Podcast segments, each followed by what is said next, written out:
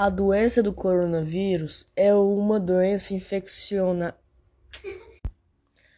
A doença do coronavírus é uma doença infecciosa causada pelo coronavírus recém-descoberto.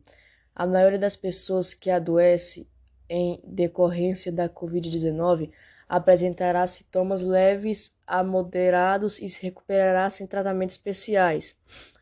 O vírus se causa a Covid-19 e é transmitido principalmente por meio de gotículas giradas quando uma pessoa infectada tosse, espirra ou exala. É, essas gotículas são muito pesadas para permanecerem no ar e são rapidamente depositadas em piso ou superfície.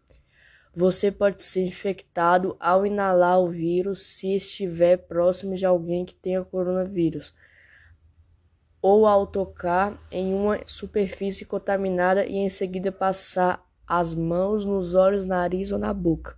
Eu sou Daniel Nunes.